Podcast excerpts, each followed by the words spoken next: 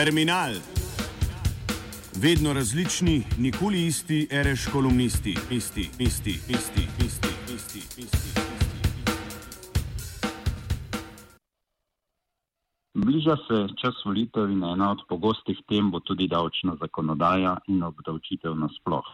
Ker morajo biti programi političnih stran ljudem všečni, bodo seveda vsi obljubljali rajši niže davke, kot tvegali s kakšnim povečanjem. Ob tem pa bo sledil tudi standardni nabor zavez kot nujnost poenostavitve pobiranja davkov, preprečevanju izogibanja plačila, boljši izterjavi in podobno.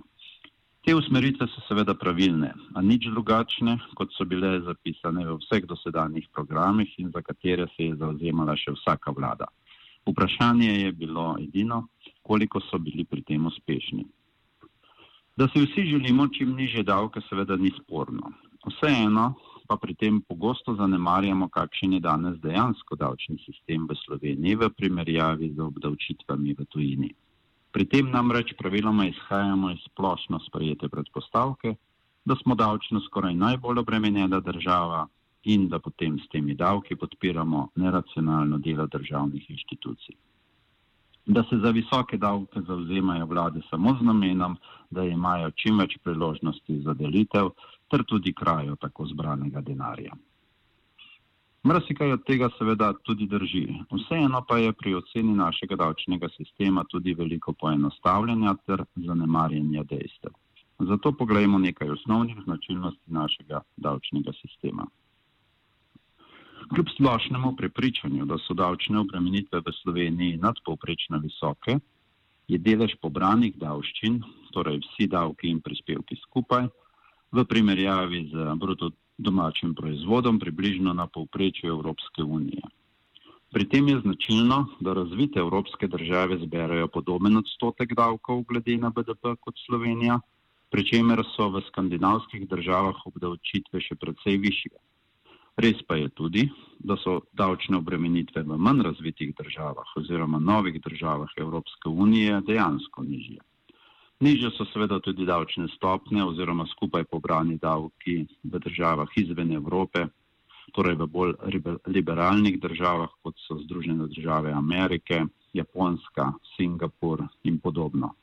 Tam pač izhajajo iz drugačnega vrednostnega sistema, po katerem je vloga države precej manjša, vendar pa morajo ljudje ob nižjih davkih in potem višjih plačah poskrbeti sami za večino svojih potreb, ki jih sicer v Evropi v veliki meri krije država s pobranimi davki. Višina davčne obdavčitve ima namreč dve zelo pomembne značilnosti oziroma dva vidika.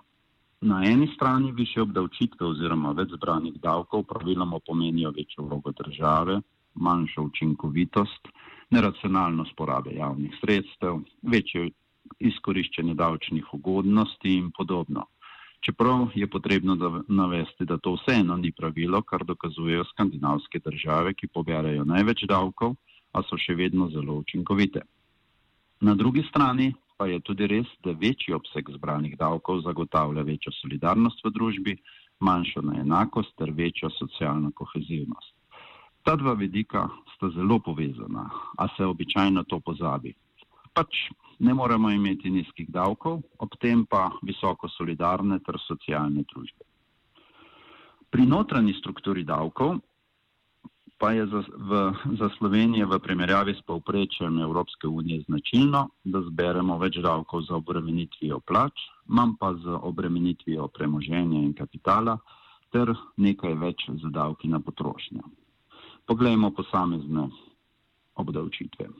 Pri pri obremenitvi plač je potrebno navesti, da je pri ocenjevanju prisotno precej zavajanja.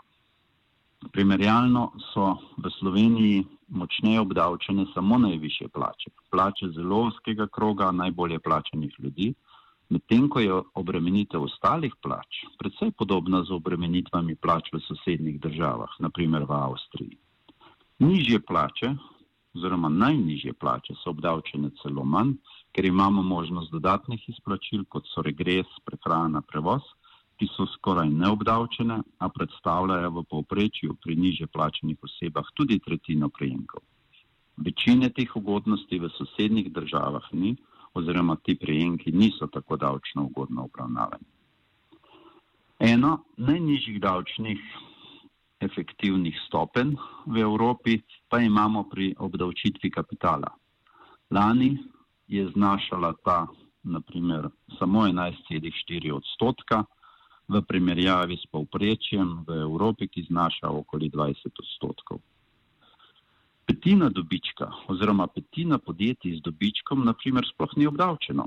To predvsem zaradi tega, ker imajo podjetja možnost koriščenja visokih davčnih olajšav, največ za investicije in zato potem skoraj ne plačajo davka. Veliko največjih podjetij v domači ali tuji lasti plačuje danes le kak odstotek davka na dobiček. Pri tem ni odveč navesti, da empirične raziskave v svetu kažejo, da nekaj odstotkov nižje davčne stopne na kapital nimajo večjega učinka na povečane naložbene aktivnosti, kar je običajni razlog za zniževanje davčnih stopenj na dobiček. Odločitve za investicije so namreč odvisne bolj od tržnih možnosti in ostalih pogojev, ter ne od višine davka. No, potem pa imamo še dva, dve skupini davkov in sicer davek na premoženje in davek na potrošnjo. Primerjalno z drugimi državami imamo tako predvsej nižje tudi izbran znesek davkov na premoženje, na premoženje, pri čemer pa vemo, da glede tega potekajo aktivnosti za spremembo sistema iz dosedanjega plačevanja zemljiškega prispevka v davek od premoženja. Drug največji vir davčnih dohodkov pa so davki na potrošnjo, to se pravi DDV in trošarine, kjer so glede na razmere v Evropski uniji stopne v Sloveniji nekaj više, predvsem stopne DDV-ja, ki smo ga pred leti zvišali za približno desetino. Glede na takšno stanje menim, da glede na usmeritve države ni nujno kakšno večjo oziroma generalno davčno razbremenjevanje, ker bi to nažalost posledično pomenilo tudi zniževanje zagotavljanja javnih storitev in solidarnosti v družbi. Ta vidik, kot sem omenil, sta namreč zelo povezana in preprosto ni izvedljivo, da bi davke znižali, nivo solidarnosti v družbi pa ohranili. Načelno je to sicer mogoče sprejeti, a zapleta se pri konkretni uvedbi sprememb, ko je vsako močnejše zniženje davčnih prihodkov potrebno na drugi strani uravnotežiti z ustreznim zniženjem izdatkov, kjer pa je prostora predvsej manj. Sveda to ne pomeni, da niso smiselni napori za večjo učinkovitost in racionalnejše delovanje javnega sektorja. Prav tako pa tudi za pregled obstoječe davčne zakonodaje z določenimi korekcijami davčne obremenitve, s katerimi bi dosegli predvsem bolj pravično ali bolj smiselno davčno obremenitev, torej zniženih znižanje določenih davčnih obremenitev, naprimer na delo, a tudi zvišanje, zvišanje kakih drugih, naprimer na kapital, kjer danes zaostajamo. Ob tem pa bi izpostavil, da je nujen tudi napor za korektno predstavljanje razmer na področju obdavčitve v Sloveniji, tako doma kot v tujini, ki pogosto povzema domače opredelitve. Glede na prej navedene značilnosti posameznih obdavčitev je splošna ocena o davčni neprijaznosti slovenskega okolja vseeno precej neupravičena, vsaj v določenih delih, a vsi jo ponavljajo in postala je kar aksijom. Na vsakem koraku samo poslušamo, kako imamo obremenjeno delo, skoraj nikoli pa ni podarka, da so naprimer naše davčne stopne na kapital, torej na dobiček, med najbolj ugodnimi na svetu, pa tudi kakšne druge. Danes ima pogosto večjo težo zaznavanje, percepcija neke konkretne številke kot, kot neke konkretne številke in zaradi tega je ta vidik predstavljen na Sloveniji tudi izjemno pomemben. Čeprav se to lahko razume kot neka podpora visoke obdavčitvi ali izogibanje potrebnim spremembam. Menim tudi, da ne bi smeli izpostavljati samo tega, kako bomo znižali davke, temveč moramo Slovenijo promovirati predvsem z drugimi prednostmi, ki jih imamo in ki bi jih lahko imeli tudi za poslovno okolje. Tu so nam vzor lahko skandinavske države, kjer so obdavčitve še precej više, a tudi nivo socialne povezanosti družbe. Zauzemanje samo za nižjo obdavčitev dela namreč pomeni zauzemanje za nižje plačilo ljudi v Sloveniji, ker se z davki na plače pravzaprav le zagotavlja plačilo ostalih socialnih ugodnosti, ki jih imajo ljudje v Sloveniji, poleg neto izplačila.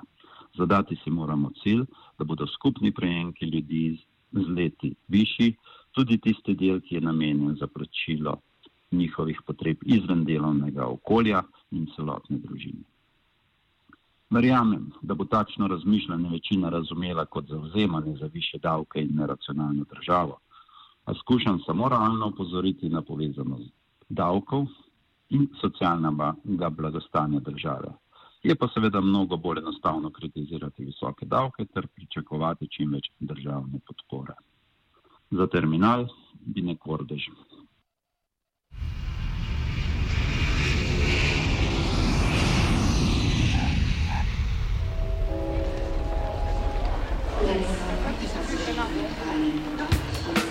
Terminal. Vedno različni, nikoli isti, reš kolumnisti, isti, isti, isti, isti, isti, isti. isti.